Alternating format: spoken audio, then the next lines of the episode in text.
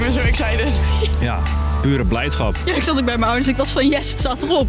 Ja. Acht jaar lang hebben studenten het zonder moeten doen, maar de basisbeurs is terug. Studenten die thuis wonen krijgen voortaan 110 euro per maand. Uitwonende studenten krijgen 439. Nou, dat klinkt eigenlijk als een best lekker bedrag. Dat is best weinig. Is zo'n basisbeurs eigenlijk wel genoeg? Energierekeningen uh, zijn de afgelopen jaren ook uit de hand gelopen. Boodschappen worden steeds duurder. Ik ben Frederik en ik duik voor je in de comeback van de basisbeurs.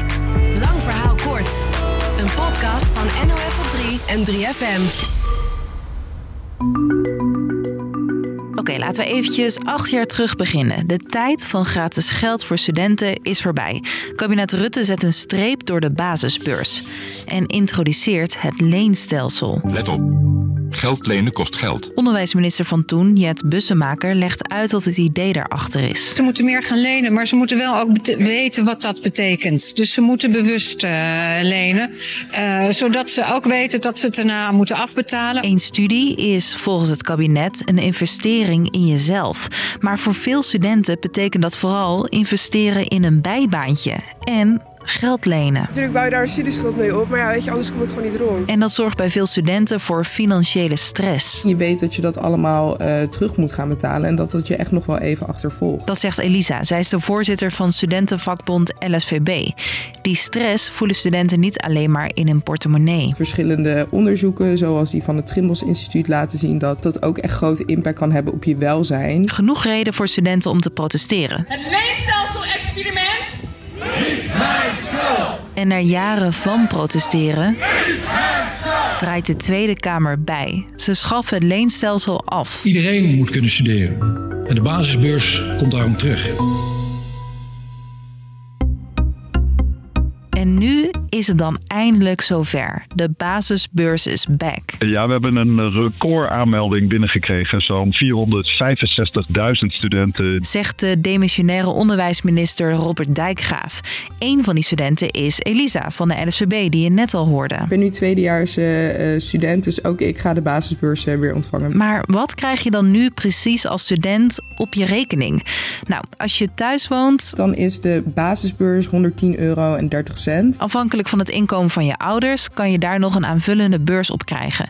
Ga je op kamers, dan is je basisbeurs 275 euro.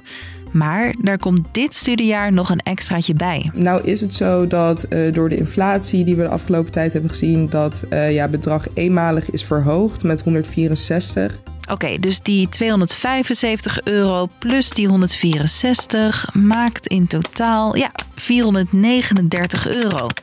En om het huishoudboekje compleet te maken, hoeveel kost de regering dit allemaal? We maken vandaag zo'n 130 miljoen euro over. Wat allemaal trouwens wel hetzelfde is gebleven.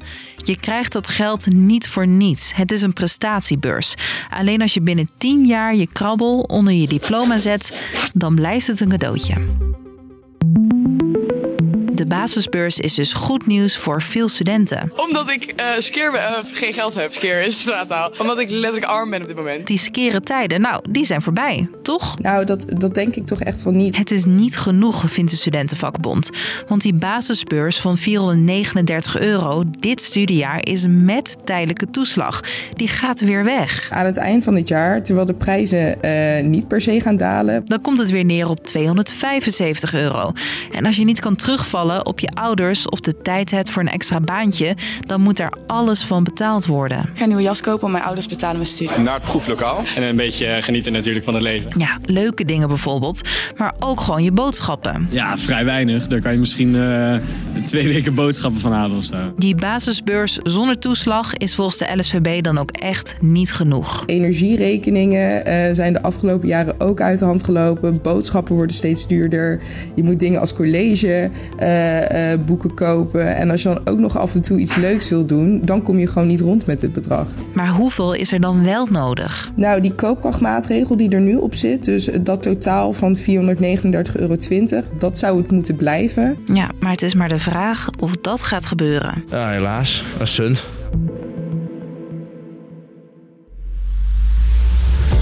Dus Lang verhaal kort. Na acht jaar is de basisbeurs terug. Studenten die thuis wonen krijgen 110 euro. Als je op kamers woont is dat 439 euro. Maar dat is met een tijdelijke toeslag. Die verdwijnt aan het eind van dit studiejaar weer. Daar is de studentenvakbond het niet echt mee eens. Zij willen een hoger basisbedrag zodat studenten stressvrij kunnen studeren.